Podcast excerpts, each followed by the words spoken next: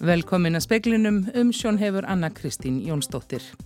Kona sem vaknaði upp við að fá snjóflóð innum Svefnherbergsklukkan sinn í Neskupstaði gerð morgun segir tilfinninguna skrítna en stöðningur samfélagsins skipti miklu.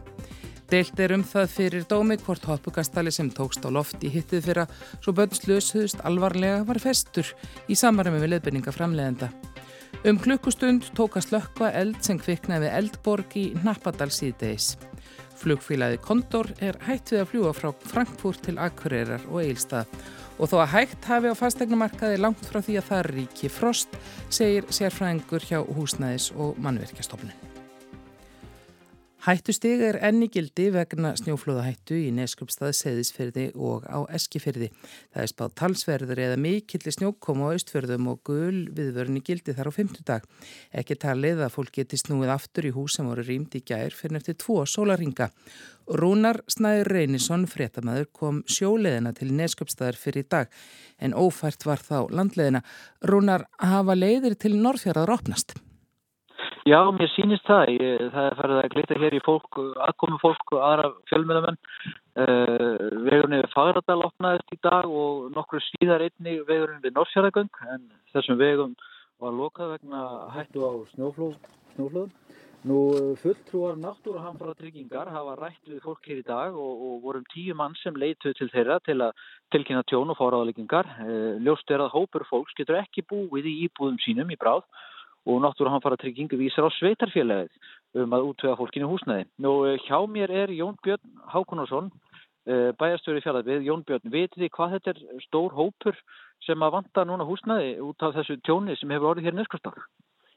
Nei, við erum náttúrulega, á þessar stundur náttúrulega við vitum að það er þessar íbúður hér fyrir ofan í húsunum sem við erum stattir akkurat núna.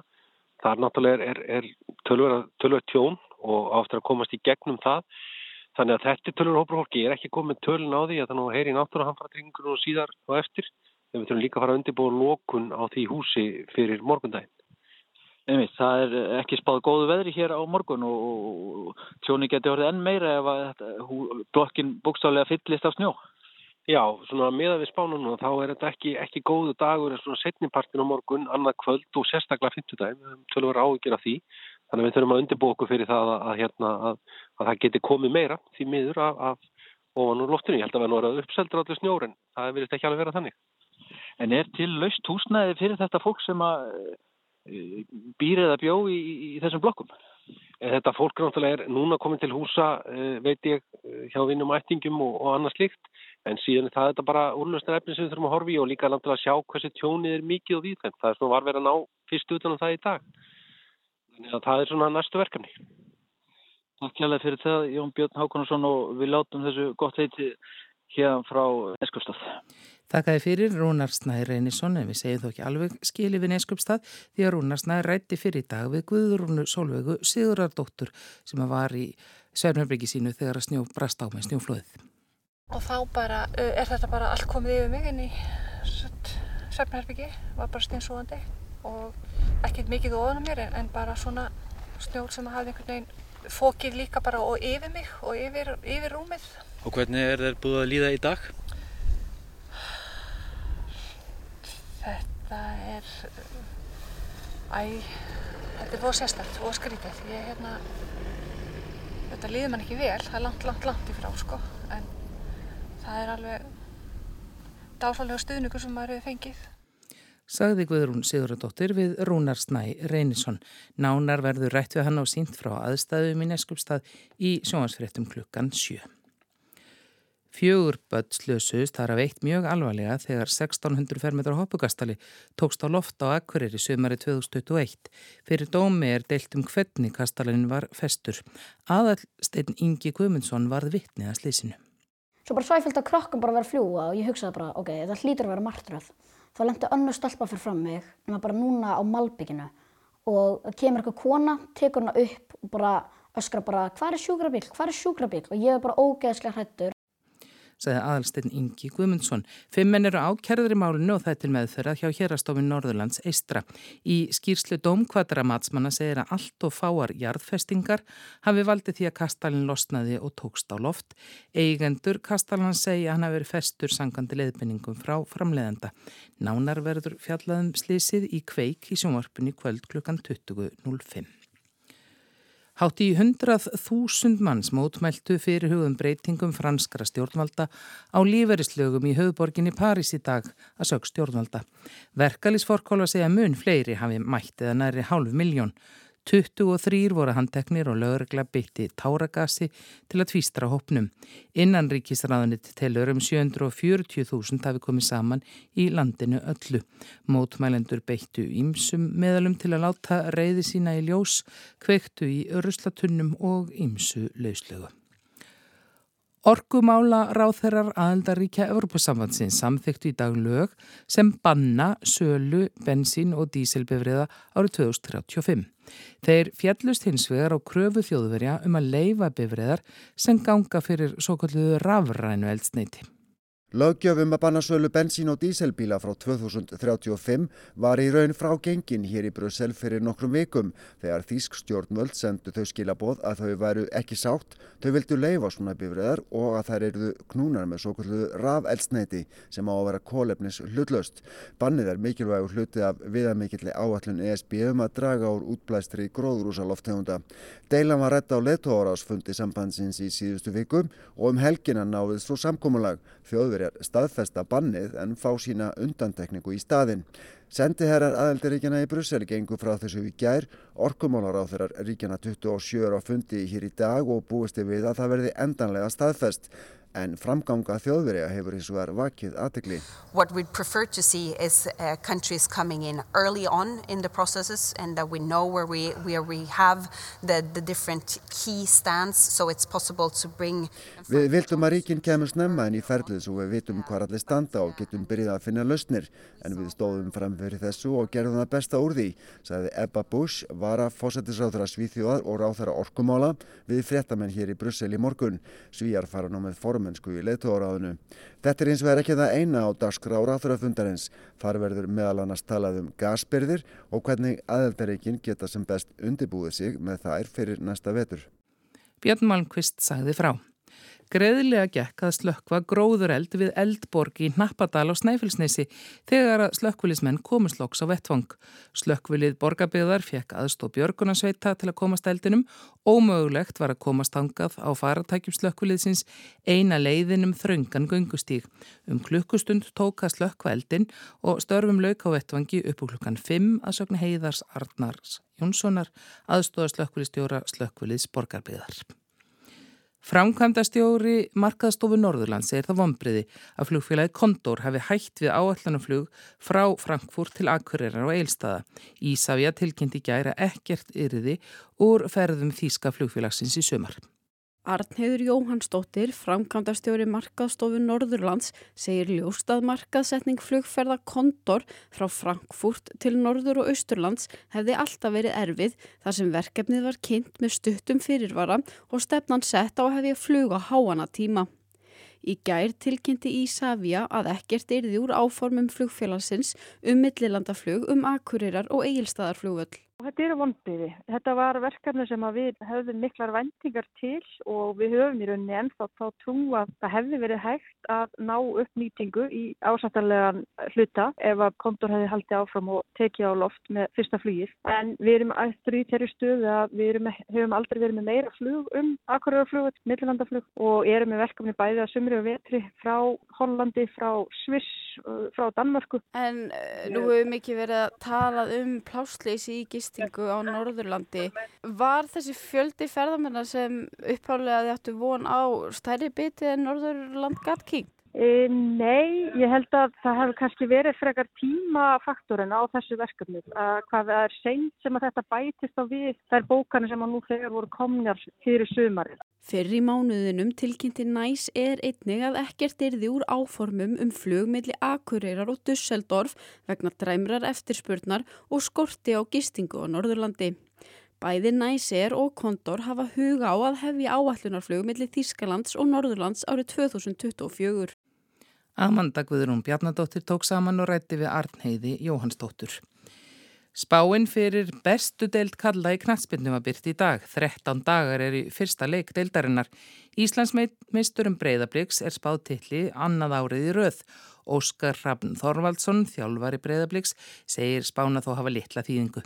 Við unnum þetta í fyrra og, og ætlum okkur að vinna þetta aftur og, og, og við getum ekkert stemt hann einu öðru en að sækja þennan skjöld aftur og þannig að, þannig að hún hefur engin áhrif á okkur en, en, en það sem ágita er bara virðing fyrir okkur og, og, og, og liða að trúa okkur þó að þetta, þú veist, þó að þetta farið tvö ár hefur hún, hefur hún ekki ræst.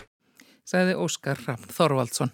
Fastegnamarkaðin hefur staði nokkuð í stað síðasta hálfa árið þó ofsagt sé að það er ekki alkull um söfin á par við það sem var fyrir um tíu árum að mati húsnæðis og mannverkjastofnar og þó svo að mikil skortur sé á leiguhúsnæði síndi nýleg könnun HMS að hlutfall leigjanda sem er að slegast undan húsnæðiskostnæði hefur lækkað. 411 samningar um fastegnakaup voru gerðir í januar, hafa ekki verið færri frá því januar 2012. Káreis Fridriksson, hagfræðingur hjá HMS, segir að vissulega hafi verulega hægt á markaðin. Kanski einn af ætluðum tilgangi þessara aðgerða, bæði stýrjókstahækana og svona þrengri lánanskilir það. En það má segja að hann hafi kannski verið ofheitur á tímabili. Það var bara barist um hverja einustu íbúð.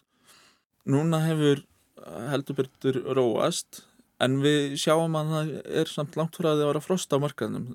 Það er ennþá alveg einhver fjöldi að íbúðum að seljast yfir ástötuverði. Umsvifin eru kannski svipuðum svo voru 2013-14 en ekki eins og þau voru eftir hrjön. Það komi hérna nokkur ár eftir hrjön þar sem var svona hálgjört frost á fastinamarkaði og við verum ekki komið þángað. En sjáu þið merkjum það að verð sér að læka? kannski meira bara staðið í stað svona undanferna 6-7 mánuði það var náttúrulega búið að hækka gríðarlega mikið fram að því 12 mánu hækkunin er ennþá rúmlega 12% en svo hækkun átti sér öll stað fyrir hluta senustu 12 mánuða 6 mánu hækkunin er cirka í nulli örliti jákvæð upp aukur að aukastafi þannig að það má segja að verðið hafi bara verið nokkuð flatt með kannski örlitlum seiflum það er ekkert víst að verðmunin lækka líka af því að við höfum verðri lán líka á Íslandi. Við vorum flest farin yfir í óvertri lán. Langstæsti hluti nýra lána voru uh, fjármögnuð, uh, íbúðköpa voru fjármögnuð með óvertriður lánum. Núna eru vertriður lánin að verða vinsætla aftur og greiðslubyrðin á þeim er það mikið lærri að þrátt fyrir hækkun fastegnavens þá eru fjölmarki sem að hafa efni á að kaupa íbúðir með verðurlunum. Sæðlabankin hækkaði stýrivexti í 12. sinn í röð í síðustu viku í 7,5%. Seinast er að stýrivextir voru svona háir, það voru við að vinna okkur tilbaka á hruninu og þeir fóru hæst í rúmlega 18% en árið 2010 voru síðast í hérna, rúmlega 7% þá voru bankarnir til til að nýfarnir bjóðu upp á overtriði íbúðalán, að minnst okkar nýbyrjar að auglýsa það. Og þá voru innan við 10% af útistandir lánum óvertrið. Það var líka munur að, að þá voru vextir að fara lækandi þannig að það var ekki þannig að fólk hafi fjármagnað sig þegar að greiðslubyrðin var lærri og svo hækkaðan heldur var það frekar í hináttina að vextir voru að lækka þannig að það tók óvertir lán og svo upplefði það að greiðslubyrðin var að lækka með vöxtum. Núna er um 70% af útistandandi lánum óverðtryggð og þau skiptast nokkur neginn í helminga í lán með breytilögum eða föstum vöxtum. HMS telur að áfram verði mikil eftirspurn á fastegnamarkaði. Landsmönnum hafi fjölgað um rúmlega 3% í fyrra, meirinn nokkru sinni frá því að manntal var fyrst tekið 1703. En hvernig er útlitið á leikumarkaði? Útlitið þar er að mörguleiti fyrðu gott og þá vil ég alls ekki gera lítið úr erfiðleikum þeirra sem er á leikumarkaði miða við hvernig árin voru 2016 til 18-19 þá hefur leikumarkaðurinn verið bara það verið hóflegar hækkanir af leiku í rauninni hefur eru húsarlega lærri núna á, á föstu verðlagi heldur en var 2020 þannig að húsarlega hefur alls ekki náða að halda yfir verðlag og, og, og hvað þá laun þau hafa hækkað ennþá meira við sjáum það hens vegar að na, í nýlegri könnun sem við letum gera fyrir okkur hjá HMS að eh, fólk á leikumarkaði er að jafna að borga frekar hátt hlutfall aftekjum sinni mjög leiku, það var 44% á síðast ári og hefur verið nokkuð stöðugt. En aftur á móti þá eru hlutfall leigjenda sem að tilur húsnæðskostnað sem vera íþingjandi eigin sögn það verðist lækka nokkuð skarpt á milli ára og hefur lækkað undanfærin ár hefur í rauninni nær helmingast á síðustu 6-7 árum sem verður svona að gefa til kynna að þær tekjur sem að verða eftir þegar fólk er búið að greiða húsalegunni verður stuga betur til að mæta öðrum útgjöld. Samt gæti ferði að þrengja að á legumarkaði. Það eru fleiri sem að segja að það hefur verið erfitt að verða sér út um það leguhúsnæðin sem það býr í núna. Í rauninni hef ég líka í eitthvað tíma svona jafnvel búið stuði að, að leguverð eigi eftir að hækka bara afstíð að fastanarverð hefur hækkað mikið og núna vextakostnaðin líka og það áða til að vera ákveðin fylgniðan á milli, alls ekki 100% en til þess að verði endur nýjum á leikuhúsnaði, til þess að fleiri aðilar komi inn með frambáð á leikuhúsnaði þá þarf leigan að standa undir ákveðin kostnaði. En það sem eru kannski gerst núna undanförnum árum er að það er stórikist frambóð af óhugnadrifnu leikuhúsnaði og ég hugsa að það hafi hjálpað legjendum í, í, í mörgum tilfellum. Hækkanir á útlandsvöxtum á breytilegum lánum hjá böngunum hafa fyllt stýrivaksta hækkunum Sæðlabankans. Áhrifin á fastegnamarkað gætu alltið að hluta því hver tilbúin heimilin er að taka verðtrið lán. Það tekur líka smá tíma fyrir hækkanir að skila sér áfram, segir Kári. Fyrst tekur tíma fyrir bankana að hækka vexti og það kemur á greiðsluseglinn hjá fólki mánuðum eftir það fyrsti greiðsluseðilinn sem að innheldur seinustu hækkun verður vantala um næstu eða játnum þar næstu mánamót. Lánabyrðin er að aukast halsvert, sérstaklega hjá þeim sem eru með óvertri breytileg lán. Komir þó á óvart hvað eru fáir sem að skulda mikið í þannig upphættum. Þetta eru vissilega fjölmörk heimili en þetta eru samt mun fleiri heimili, það eru fæst heimili sem að upplefa verulegar hækkanir á, á húsnæðiskostnaði. Samkvæmt nýjahöfsta ríti fjármálastöðuleika þá voru cirka 12% í januar sem voru með greiðslubyrði 260.000 krónir að herra. Og áhrifin af síðustu tveimur stýrivaksta hækkunum er ekki all komið fram á þessi heimili Ef afborgun á tiltölu að nýlegu láni til 40 ára var 260.000 í januar, gæti afborgunni farið í 305.000. Þetta eigi við um nokkur þúsund heimili hjá fleirum verðunmun minni, segir Káraðs Fridriksson hjá HMS.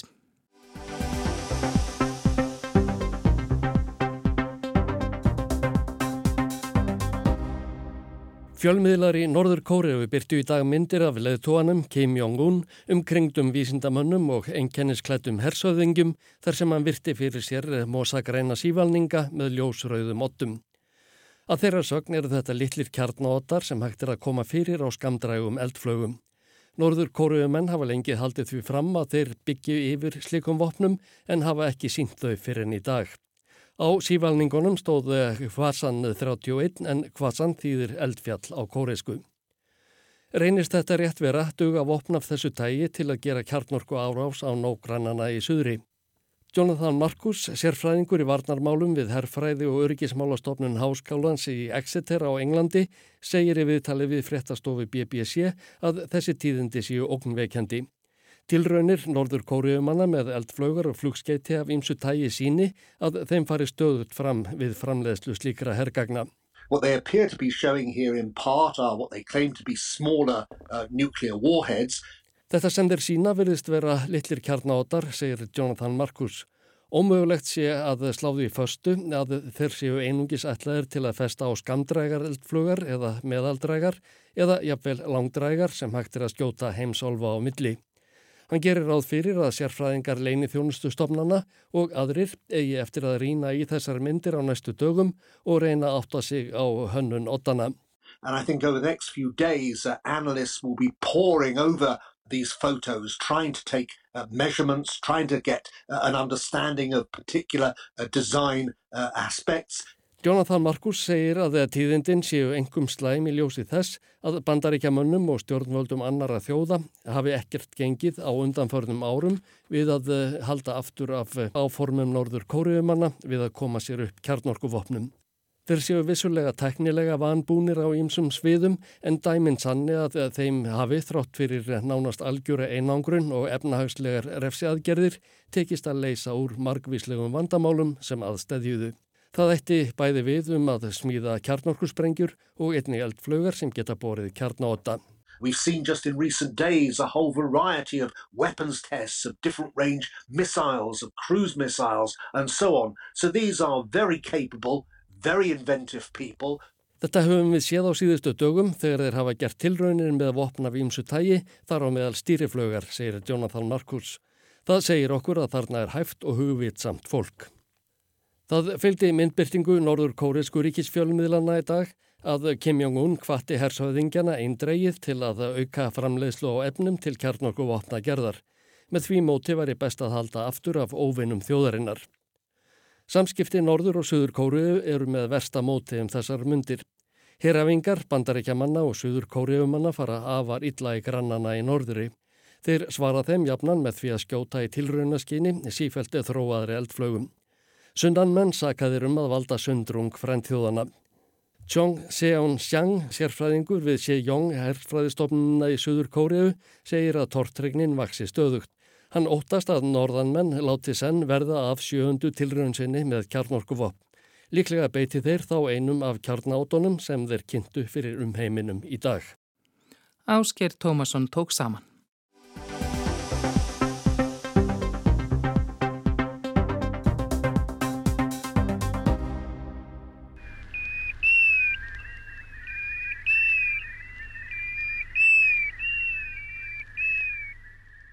Það vakti voni í brjóstum landsmanna að heyra af komu lóunar um helgina. Vor bóðin ljúfi, þó ekki um allt land, nema síður sé. Fótspór mannsins má víða sjá í náttúrunni. Áhrif gjörða okkar og framkvæmda hafa áhrif á vistkerfi og samneiti við lifandi verur og náttúruna. Nótkun á landi getur raskað búsvæðum viltra fuggla og dreyið úr þjallega þeirra í náttúrunni. Undanfarið hafa vísindamenn við rannsóknarsetur Háskóla Íslands á Suðurlandi kanna þetta sambili manns og mófugla sérstaklega og opnaður vefur um áhrif landnótkunar á stopna þeirra. Ísland er mikilvæg varpstöð og búsvæði mófugla eins og heilóu, spóa, skóarþrasta og þúfutillinga. Um 85% allra mófugla verpa á lálendi landsins og landnótkun þar ræður framtíð mófugla stopna. Vísbendingar eru um að mófuglum sé að fækka verulega á þessum svæðum vegna aukinar samkeppni um búsvæði. Aldís Erna Pálsdóttir er nýdoktor í líffræði á rannsóknarsetri Háskóla Íslands á Suðurlandi.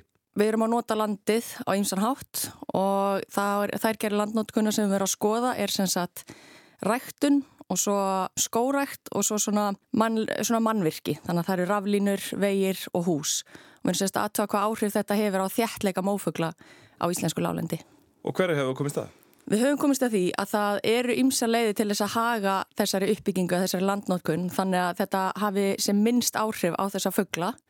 Því að rannsóknum hafa sínt til dæmis að þessar tegundi fuggla finnast flestar í læri þjættleika nálagt mannvirkjum og margar uh, nálagt skóarjöðrum og einnig að sagt, hvernig við högum ræktun og ræktarlandi getur líka haft áhrif á stjætleika og afkom þessara fuggla og við settum upp þennan veð með það markmiði að gera þessar upplýsingar svona aðgengilegar fyrir almenning og alla sem hafa áhuga á. Eins og til dæmis með aðalskipula sveitafélag, er litið til þessara þáttar þegar að það er verið að vinna í því? Þetta eru frekar nýlega rannsóknir, mikið af þessu. Við höfum verið í samskiptum við fólk sem að sér um svona einhverjar skipulagningu á þessum þáttum en það hefur kannski ekki verið litið til þess enn sem komið er en vonandi bara í nánustu framtíð. Hversu mikil eru áhrifin á eins og til dæmis ræktun mannverkjum og þess að það er á varpið hjá þessum tegundum og hvaða tegundir svona skera sér úr? Sko, hinga til hefur mest verið að skoða bara áhrifin á þjættleika, það er sérst hversu margi varpfuglar finnast á þessum svæðum og við vitum það að þær tegundir sem skera sig úr og verðast sína jákvæð áhrif af þessum gerðum uh, landnónkunar eru þá hrossagaugur og skóaþraustur og þeir um, finna sem sagt í herri þjætleika nála til dæmi skóarjöðurum og verðast vera fyrir litlum áhrifum af þessum mannvirkjum. En aðrar tegundir sem eru þá heiðlóa, spói, jæðrakan, lóið tjaldur allavega þær eru alltaf í læri þjætleika nálat þessum gerðum. Þannig að þær virðast forðast að verpa nálat þessum um, gerðum uppbyggingar auk þess sem að auðvitað verpa er ekki þar sem að húsin eða mannverkin sjálf eru sett. Þannig er missærið nú eru búsvæði undir þessi, þessar uppbyggingar og eru svo í læri þjætleika nálat þeim sko. Mm -hmm. Hversu mikið mun sjáu þið, hversu mikið dettur niður þjætleikin? Hann dettur tölvert mikið niður. Við mælum þetta vennilega á svona fjarlaga bílum þannig að þetta er kannski fyrstu 50 metrana. Þá getur þú farið niður um alveg 70-80% í kringu skó og svo hækkar þetta svona eftir því sem á líður. Og svo líka sjáum við að þetta getur aðeins farið eftir sagt, umfangi mannvirkjana. Þannig að að þú ert með eitt sumarhús á einhverju svæði þá getur fjöldi fuggla að lækka um kannski 50-70% en ef það verða tvö eða fleiri þá getur það farið neyri alveg 70-95% sko. Þannig að þetta getur verið tölver lækkun og við erum að tala hérna um svona 200 metrar radíus í kringum þá sömarhúsin. Nú mikið verið að tala um vindorkuver og vindmillur. Hver eru áhrif þeirra á varp og vistkerfi mófugla? Þetta hefur náttúrulega lítið verið skoðað hérna í Íslandi, bara átta því að við erum ekki með vindorkuverin til að skoða þetta. En þetta hefur verið mikið rannsakað sagt, í öðrum löndum og þá aðalega vegna svona áflugshættu að þeir fljúa á spaðana fuglanir og talaða til dæmis í bandaríkjanum degja hundruður þúsunda fuggla á hverju ári að þeir fljúa á spaðana. Svo hefur nýlega verið að rannsaka sagt, um, hvað áhrif bara þetta hefur á fugglana sem er á jörðinni kringum vindorkuverin og þar eru svolítið svipaða niðurstur eins og við erum að sjá að þeir eru í læri þjætleika nálægt þessum vindorkuverum bæði þegar verið að byggja þau og svo eftir að byggingu er lokið og þetta er komið í gagnið. Þannig að þetta virðist hafa áhrif á auðvitað fugglana sem eru í nánasta umhverfi sko. Gefur það ekki auga leið að framkvæmdir og, og raska það, það hefur áhrif á, á lífrikið?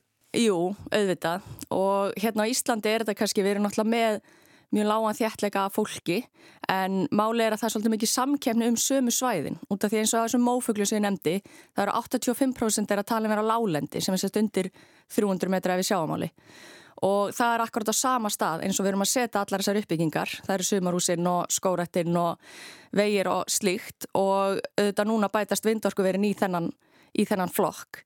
Þannig að þetta er einmitt kannski mikil samkjöfni um sömu svæðin e, mikið af þessum gerðum uppbyggingar sem ég er náttúrulega búin að vera að nefna geta verið mjög nöðsilega þetta fyrir samfélagi eins og við þurfum vegi og auðvitað er loftslagsváin mjög mikilvæg óg sem stæðir að mannkynnu og skórætt og vindmjölur er náttúrulega hluti af því að, að koma svona til móts við það En það er mjög mikilvægt að við hugsun til þess að bæði þessi uppbygging og líka þessara, þessi barátt að gagvart láttlagsbreytingum hafi ekki áhrif á í raun og veru annað mikilvægt umhverfismál sem er sagt, þessi lífræðilega fjölbreytni sem við erum með hérna á Íslandi.